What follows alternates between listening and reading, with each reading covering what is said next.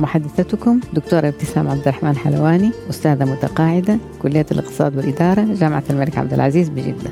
أستعرض في هذا البودكاست مقالات كتبتها في الصحافة المحلية وتم تجميعها في أربع كتب نشرتها قبل عدة سنوات حيث أختار منها ما يتناسب مع واقعنا وأسعى مع المستمعين والمستمعات لمقارنة الحال بين الأمس واليوم بما يخدم الهدف الأساسي لكل موضوع. لندرس هذه السيرة العطرة ربيع الأول 1423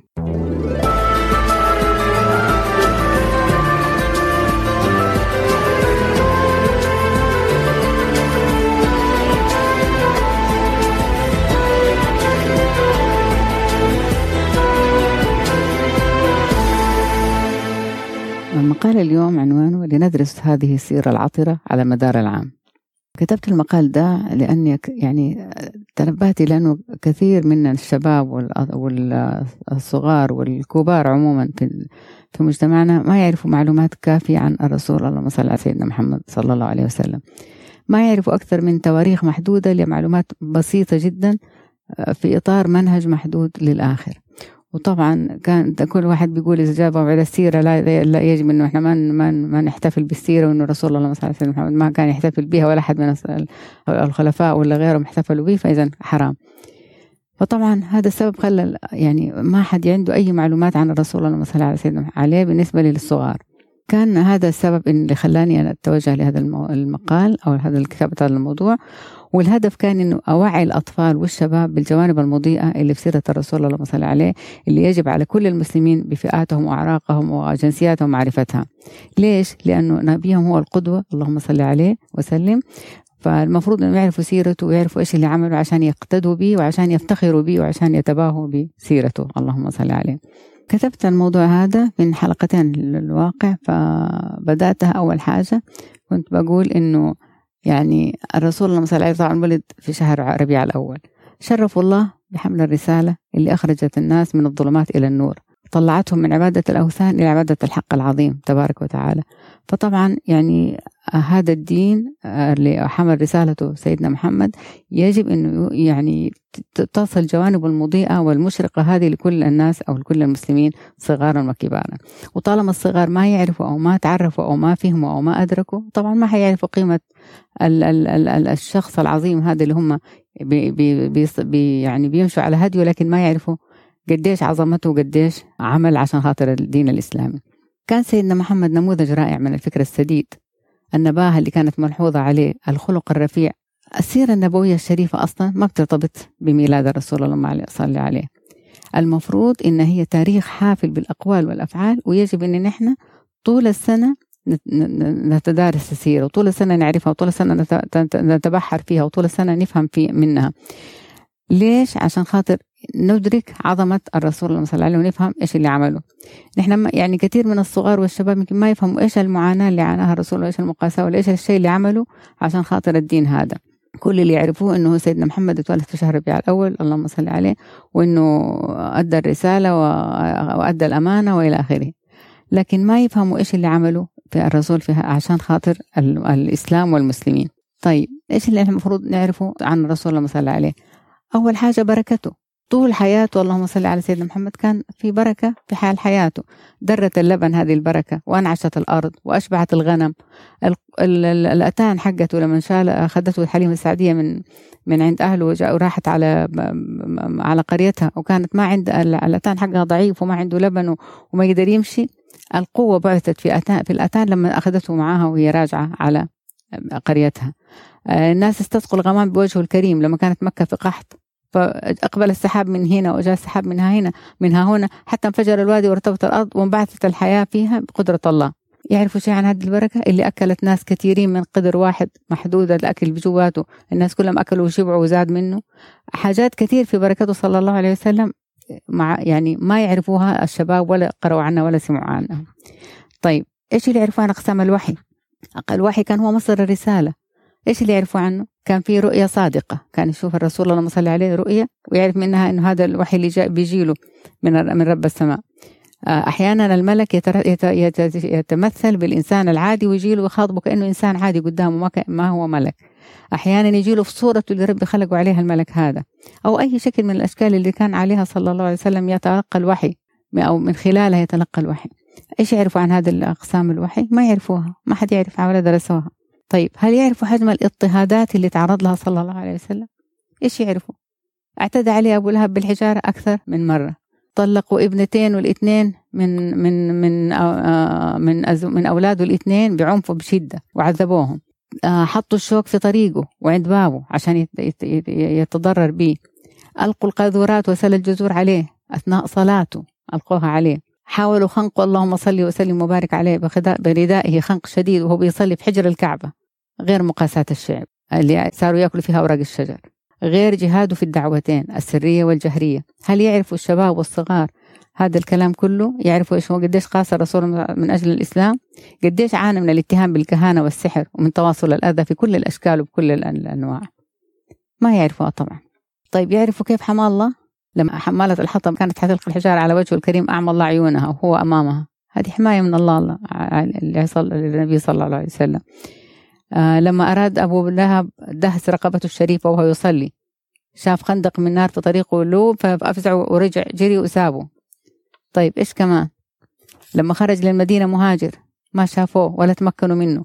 حتى هو في الغار ربنا حماه وخلاهم ما يشوفوه. طبعا يعرف الحمامة والعنكبوت والحاجات دي الأطفال برضو يمكن يشافوا شيء بسيط منها لكن ما يعرفوا أنواع الحماية الأخرى اللي جات لرب للرسول المصلي عليه من ربنا وكيف ربنا حماه عشان آه، يؤدي رسالته ويكمل مشواره. طيب هل تعلم المسلمون فنون قيادته؟ إيش هي قيادته الإدارية؟ اللي رسمت النظرية الإدارية الكاملة بكل مقومات نجاحها واللي تفوقت على كل نظريات الإدارة اللي عملوها في العالم كله. لكن ما حد يعرفها. ليش؟ لأنهم ما تعلموها ولا درسوها. ليش ما نعلم سيرة النبي صلى الله عليه وسلم بكل تفاصيلها الشريفة للأطفال من الصغر؟ ليه ما نبين لهم جوانب الرفعة والقوة والعظمة والكفاح والصبر والثبات في السيرة دي العطرة؟ طوال الوقت عشان يستوعبوها ويقتدوا بها ويفهموا معانيها. أخلاقياته صلى الله عليه وسلم. لو بدنا لوحدها أخلاقياته نعمل عليها كتب ليش؟ لأنه ربنا قال له وينك على خلق عظيم. الأخلاقيات السامية هذه اللي شملت تعاملاته مع الآخرين مع زوجاته مع الناس مع الصغار مع الكبار مع الخدم. الحلم والصبر والعفو والجود والشجاعة والحياء والصدق والأمانة والعدل والتواضع والشفقة واللين وصلة الأرحام والوفاء بالعهد وإلى آخره.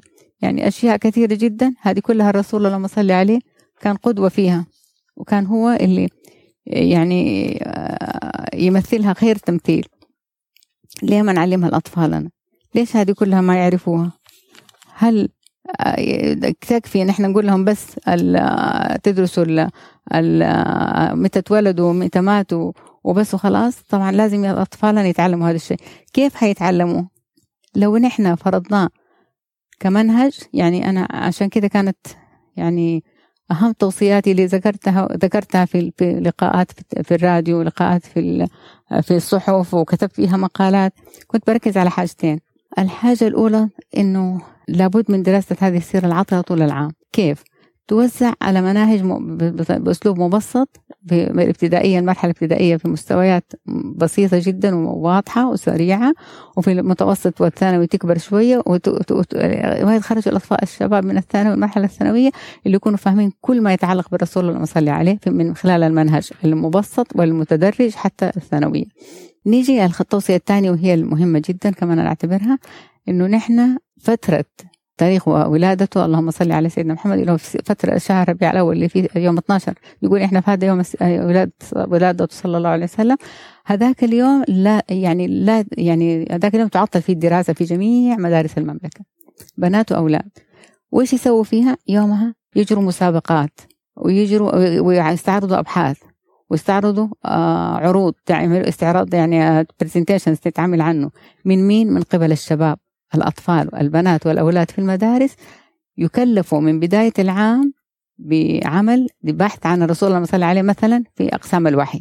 واحد آه، بحث ثاني في مثلا بركته صلى الله عليه وسلم. في آه، تعامله مع ال ال ال الآخرين في أخلاقياته في حمايته في الاضطهادات اللي تعرض لها. كل واحد من هذا يحتاج إلى بحث كامل. طبعا الأبحاث لما يعملوها الصغار ولا الشباب دول حيبحثوا حيدوروا في الإنترنت حيدوروا في الكتب حيبحثوا عن المعلومات. يجم لما يجمعوها عشان يجوا يعرضوها عشان يفوزوا في المسابقة هذا لوحده بيخليهم يتعلموا ويفهموا عن الرسول اللهم صل عليه. فنحن بكده ندفعهم إذا نحن نكلفهم من بداية العام نعلن عن الأبحاث اللي ستقدم والاستعراضات قصدي يعني الدراسات اللي حتعمل كلها تعرض في في شهر بلاش نقول في يوم 12 ربيع اول نقول في شهر ربيع أول ممكن يوم أو يومين تخصص تعطل فيها الدراسة عشان خاطر أبحاث الرسول اللهم صل وسلم وبارك على سيدنا محمد. لما الشباب دول كلهم يتسابقوا ويحاولوا قدر الإمكان إن هم ينجحوا في الدراسه عشان ياخذوا الجائزة وعشان يفوزوا. طبعا إحنا كده كسبناهم إن هم تعلموا ودرسوا عن الرسول ويجوا حيستعرضوا مع زملائهم ويسمعوا الكلام هذا. في نفس الوقت إن إحنا مثلا ممكن الحاجة الأطفال الصغار اللي في سن المراحل المرحله الابتدائية نكلفهم مثلا بأسماء زوجات وعدد الزوجات عدد البنات علاقته بالبنات مثلا علاقته بالخدم علاقه يعني الحاجات البسيطة اللي هم ممكن يجمعوها. في الآن ما شاء الله الأطفال كلهم صغار وكبار يستطيعوا استخدام النت. ويبحثوا فيه عشان يقدموا حاجات أو يبحثوا عن معلومات مختلفة. هذه المعلومات أهم المعلومات اللي يجب عليهم ان يعرفوها عشان يعرفوا سيره نبيهم الكريم العظيم الشخص اللي لا تتفرد البشرية لا بصراحة بتميزه هو ما عنده ما في أحد متميز بقدر تميزه. إذا يجب أن نحن ندفع الصغار لاستيعاب هذه المعلومات والمعاني وندفعهم للبحث في سيرته صلى الله عليه وسلم عشان يقتدوا بها وعشان يعرفوا عظمته ويفهموا مقداره. أما إن نحن كل سنة نقول الشرك وما يصير وهذا الشيء حرام ويجب ما حد سواه من هذا. فكل الناس بيتباع خلوا الناس يبتعدوا فعلا عن سيرة الرسول. ما حد صار يقراها ولا حد صار يدري عنها ولا حد صار يناقشها غير الناس اللي بيسووا الموالد. اللي بيسوي الموالد إذا كان الموالد الموالد هذه فهي يعني آه، مراجعة لسيرته قراءة فيها وكتاب يعني الواحد عشان يتذكر الرسول الله صلى عليه سيدنا محمد ويصلي عليه وبالعكس حلوة جدا. إذا في كان فيها حاجة غلط بتصير ولا مثلا أي حركة مثلا غير مقبولة ممكن هذه تستبعد. لكن المولد بحد ذاته برضه استحضار لسيرة الرسول الله صلى عليه لذكراه عشان نتذكره عشان نصلي عليه وعشان نعرف كل شيء عنه. فالحقيقة الرسول يستحق أكثر من كده بكثير ونحن مهملينه تماما ما بنعطي له ولا أقل من حقه ما بنعطي له نمرة واحد دينه يعني ما بنعطي له حقه. نمرة اثنين إنه داش العدم إعطائه حقه خلى الشباب والصغار والكبار ما يعرفوا أي شيء عن رسولهم ونبيهم. إذا استحضار سيرة الرسول ومذاكرتها وتدريسها للصغار وعمل المسابقات وتوقيف الدراسة يوم بسيرته عشان خاطر نستعرض الأبحاث الخاصة به كل هذا حيخلي شبابنا وأطفالنا بإذن الله يفهموا إيش الدور اللي قام به الرسول صلى الله عليه وسلم في حياتهم وإيش قديش تتحمل عشان خاطر الإسلام. بقيت هناك توصية أخيرة وهي إنه لابد على من الاسر يعني على الأسر إن هي تحبب أطفالها وشبابها في قراءة السيرة من حين لآخر مرة شهريا مرة كل أسبوعين مرة كل شهرين. يعني ومو بس السيرة البحث في آه، معلومات عن الرسول صلى الله عليه وسلم حتى يتمكنوا من التعرف على كل جوانب حياته. طبعا بالإضافة للأجر اللي بيحصدوه طبعا كمان إنه إحنا بندي فرصة إن إحنا دائما نجي نصلي على الرسول ونتذكره ونعلمه لأبنائنا وأبنائنا يعلمهم لأبنائهم. يبقى سؤال أخير موجه لكم على أساس إنه إيش الوسيلة بالإضافة لهذه اللي أنا قلته كتوصيات إيش الوسيلة الأفضل عشان أو أو بدائل وسائل بديلة عشان يتعلموا منها الأطفال والشباب الارتباط مع السيرة؟ كيف نقدر نوجههم نحوها أكثر وندفعهم لتعلمها والاقتداء بها أو الاقتداء بسيد الأنبياء والمرسلين سيدنا محمد صلى الله عليه وسلم من خلال قراءة سيرته والتعرف على جوانب شخصيته العظيمة؟